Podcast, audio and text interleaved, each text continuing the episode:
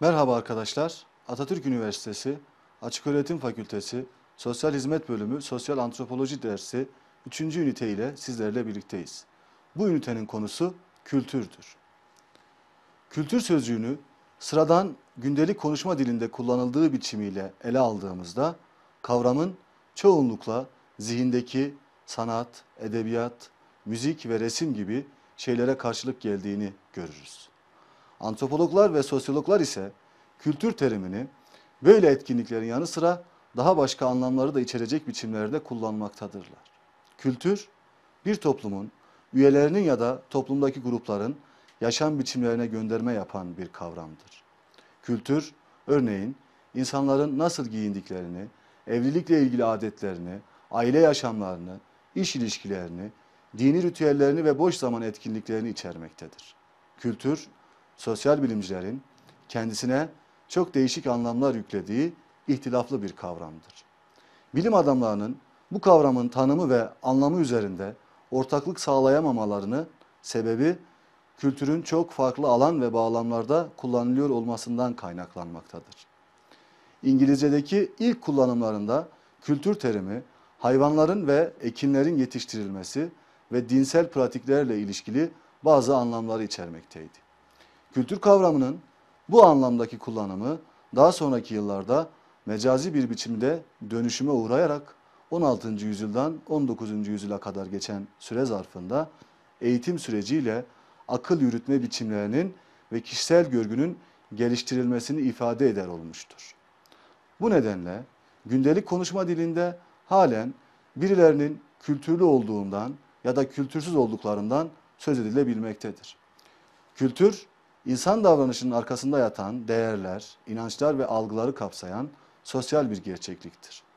Toplum üyeleri tarafından paylaşılan ve toplumda kabul gören davranışlar kültürü üretir. Antropologlara göre kültür, üyelerinin uygun ve kabul edilebilir gördüğü değişim yelpazesi çerçevesinde toplum üyelerince yerine getirilecek davranışları geliştiren standartlar ve kurallar kümesidir. Bütün kültürler belirli temel yapısal özellikleri paylaşmaktadırlar. Bunların incelenmesi kültürün niteliği ve işlevi hakkında aydınlatıcıdır. Bu özellikleri ve işlevleri şu şekilde sıralamak mümkündür. 1. Kültür öğrenilir. Bütün insanlar başından geçen birçok bilinçli ya da bilinçsiz öğrenme deneyimiyle diğer insanlarla etkileşim süreci içinde kültürleme yoluyla bir kültürel geleneği içselleştirirler. 2. Kültür simgeseldir. Simge belli bir dilde ya da kültürde başka bir şeyi temsil eden sözlü ya da sözlü olmayan bir şeydir. Simgeler genellikle dil ile ilişkilidir. Fakat ulusları temsil eden bayraklar gibi sözlü olmayan simgeler de vardır. Hristiyanların haçı, Müslümanların hilali, Yahudilerin Davut yıldızı da buna örnektir. Kültürün söz konusu simgelere dayalı olduğu görülür. 3. Kültür doğal çevreye müdahale eder. Kültür doğal çevreye kendisini dayatır. Örneğin yılın belli dönemlerinde konan avlanma yasakları veya kamp sınırları dahilinde bulunan göllere günün ancak belli saatlerinde girilmesine izin verilmesi gibi kurallarda olduğu gibi bir kültürel sistem doğanın parçası olan göle, hayvana veya denize el koymuştur. 4. Kültür paylaşılır. Kültür tek tek birbirinden bağımsız bireylere değil bir grubun üyesi olarak bireylere özgü bir vasıftır. Ve şöyle ya da böyle bütün üyeler tarafından paylaşılır. 5. İnsanlar kültürü yaratıcı bir biçimde kullanır. İnsanlar kültürün dayattıklarına gözü kapalı bir biçimde uymak yerine onu yaratıcı bir biçimde kullanırlar.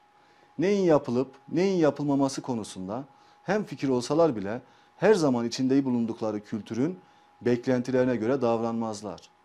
Trafikte hız sınırı gibi bazı kurallar sıkça ihlal edilebilir.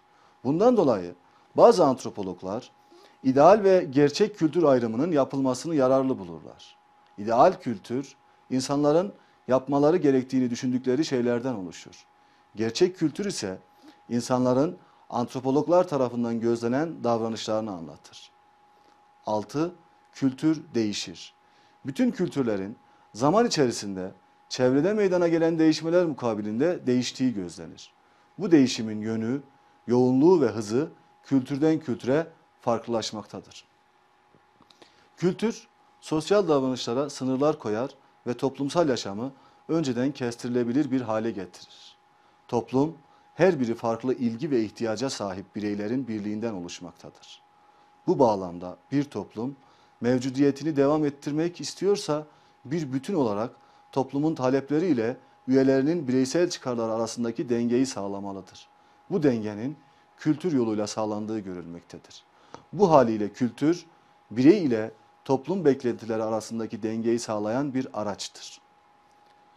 Günümüzde yoğun olarak yaşanmakta olan küreselleşme ve bu bağlamdaki süreçlerle birlikte dünya kendisini daha küçük hissetmekte, mesafeler kısalmakta ve dünyanın herhangi bir yerinde meydana gelen bir olayın etkisi kısa sürede çok uzak yerlerdeki insanlar tarafından hissedilmektedir.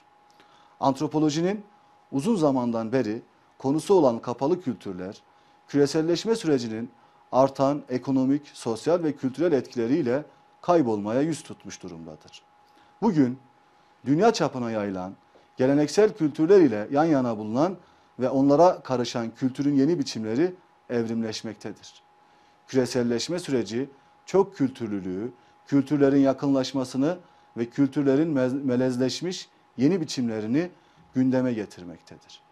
Kültürün küreselleşme süreci ile global ölçekte dolaşıma girmesi antropoloji biliminin kültürü belirli bir araştırma sahası sınırları içinde tanımlayan geleneksel yaklaşımını gözden geçirmesine de neden olmuştur. Evet arkadaşlar, bu hafta antropolojik açıdan kültür konusunu işledik. Bir sonraki dersimizde görüşmek üzere, hoşçakalın. İyi çalışmalar.